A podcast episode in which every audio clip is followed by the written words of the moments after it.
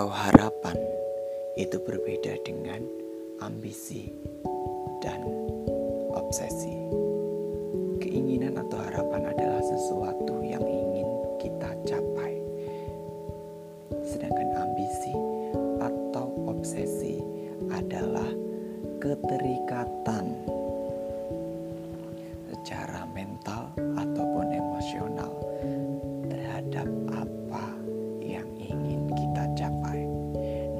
Tugas kita di sini adalah mengidentifikasi ambisi dan obsesi tersebut. Kita boleh memiliki keinginan atau harapan apa pun di dunia ini karena tidak ada yang tidak mungkin.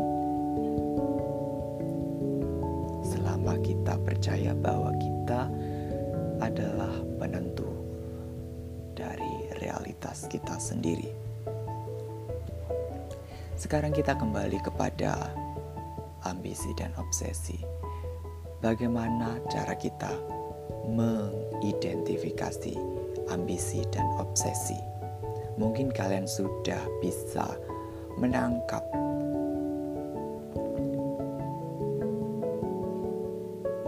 bagaimana caranya berdasarkan definisi yang telah saya berikan. Di sini saya akan mencoba membagikan pengalaman pribadi saya sendiri yang saya alami semasa saya SMK.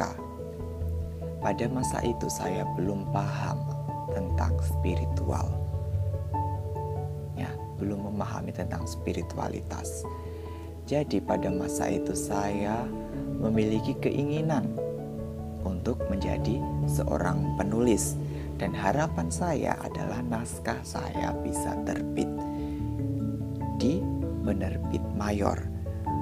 Harapan saya naskah tersebut suatu saat nanti bisa bestseller atau difilmkan.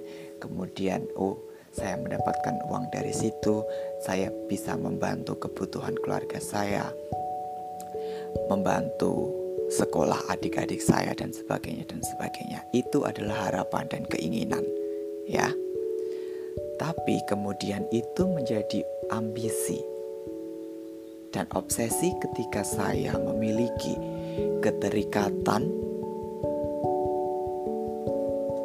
secara pikiran dan juga emosional, emosional dan mental ya pada harapan dan keinginan tersebut. Tandanya ada keterikatan mental dan emosional adalah ketika itu tidak tercapai, saya merasa tidak berdaya, saya merasa tidak berguna, saya merasa rendah diri, saya merasa sedih, saya merasa kecewa, saya merasa marah. Karena harapan dan keinginan tidak berjalan sesuai dengan kenyataan. Nah, itu. Di situlah contoh ambisi dan obsesi sudah mengambil alih diri kita.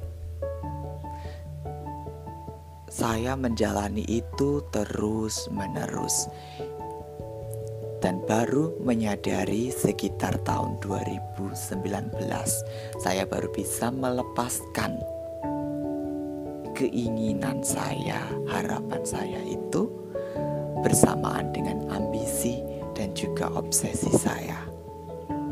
Justru ketika saya melepaskan apa yang saya harapkan, apa yang saya inginkan itu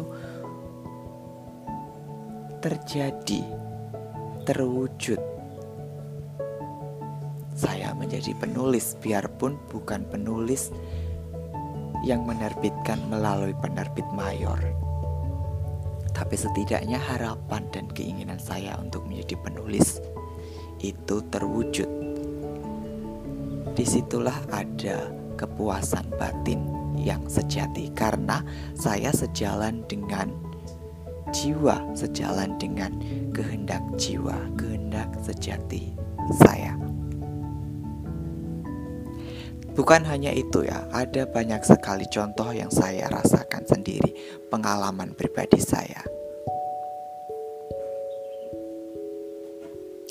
Semisal ketika saya e, merantau belajar di kampung Inggris,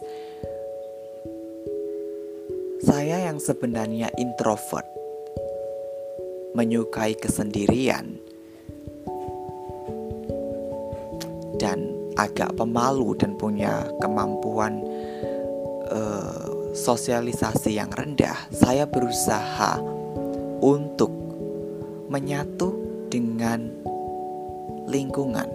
Saya berusaha, saya ingin mendapatkan banyak teman, saya ingin bergaul, saya ingin diterima oleh lingkungan. Saya berharap saya mendapatkan banyak teman, saya berharap menemukan teman yang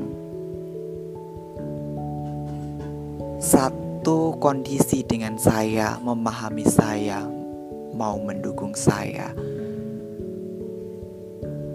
mau susah senang dengan saya. Intinya di situ harapannya. Tapi kemudian itu menjadi obsesi. Saya menjadi terobsesi ingin mendapatkan teman. Saya berambisi, saya berusaha terlalu keras di situ. Sehingga ketika realitas tidak sesuai dengan apa yang saya harapkan, tidak sesuai dengan keinginan saya, saya menjadi kecewa. Saya bertanya, apa salah saya? Apa yang kurang dari saya? Apakah karena saya orang yang aneh? Apakah saya begini? Apakah saya begitu? Saya merasa kecewa, saya merasa marah, saya merasa sedih. Saya merasa sakit hati.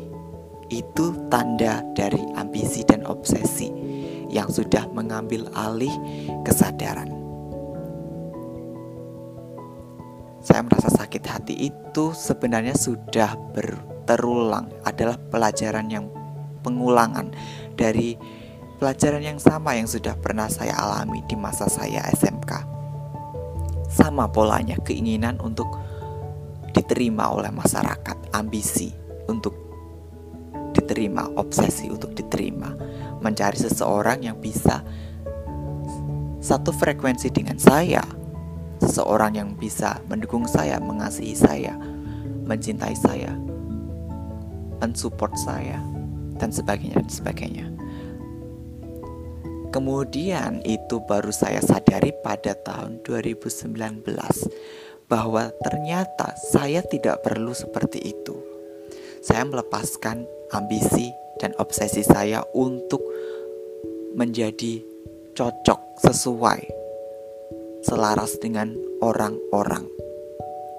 Saya berhenti berusaha terlalu keras. Saya memasrahkan semuanya kepada semesta. Saya mengikuti kehendak sejati saya. Pasti ada alasan kenapa saya menjadi introvert, kenapa saya menjadi pendiam, kenapa saya menjadi susah bergaul, susah bersosialisasi. Ketika saya mampu melepaskan itu, saya justru malah dipertemukan dengan orang-orang yang tidak pernah saya ekspektasikan sebelumnya. Mereka menjadi support sistem saya, mereka mendukung saya, membantu saya berkembang dan berevolusi. Mereka berada di situasi yang sama dengan saya.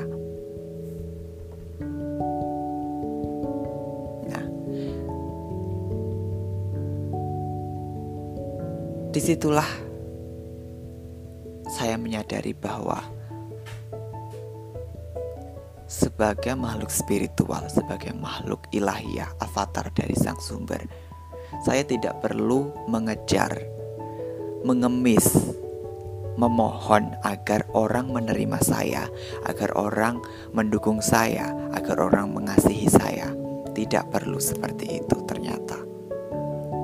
Karena yang mendukung saya, yang mencintai saya dengan tulus, yang mengasihi saya, yang berada di situasi yang sama dengan saya, yang memahami saya, ternyata bu orang yang saya cari ternyata bukan ada di luar, tapi ada di dalam diri, adalah diri saya sendiri.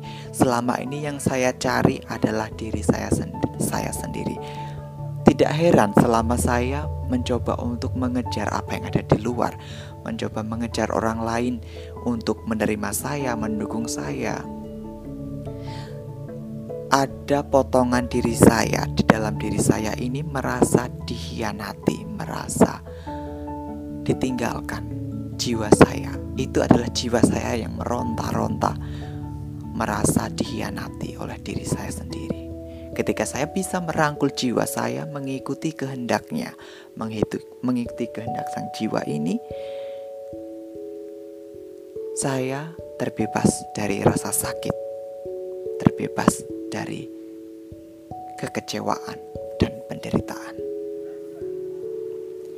Jika kalian berada di situasi yang sama seperti saya saat ini, saya berharap kalian bisa mengidentifikasi antara keinginan harapan dengan ambisi dan obsesi kalian. Wujudkan keinginan dan harapan kalian, tapi bebaskan diri kalian dari ambisi dan obsesi. Itu tadi sedikit uh, pengalaman yang bisa saya bagikan kepada kalian. Ambil apa yang bisa bermanfaat untuk evolusi kalian, perjalanan spiritual kalian. Abaikan yang tidak beresonansi dengan jiwa kalian. Sampai jumpa lagi di pertemuan berikutnya. Salam damai. Namaste.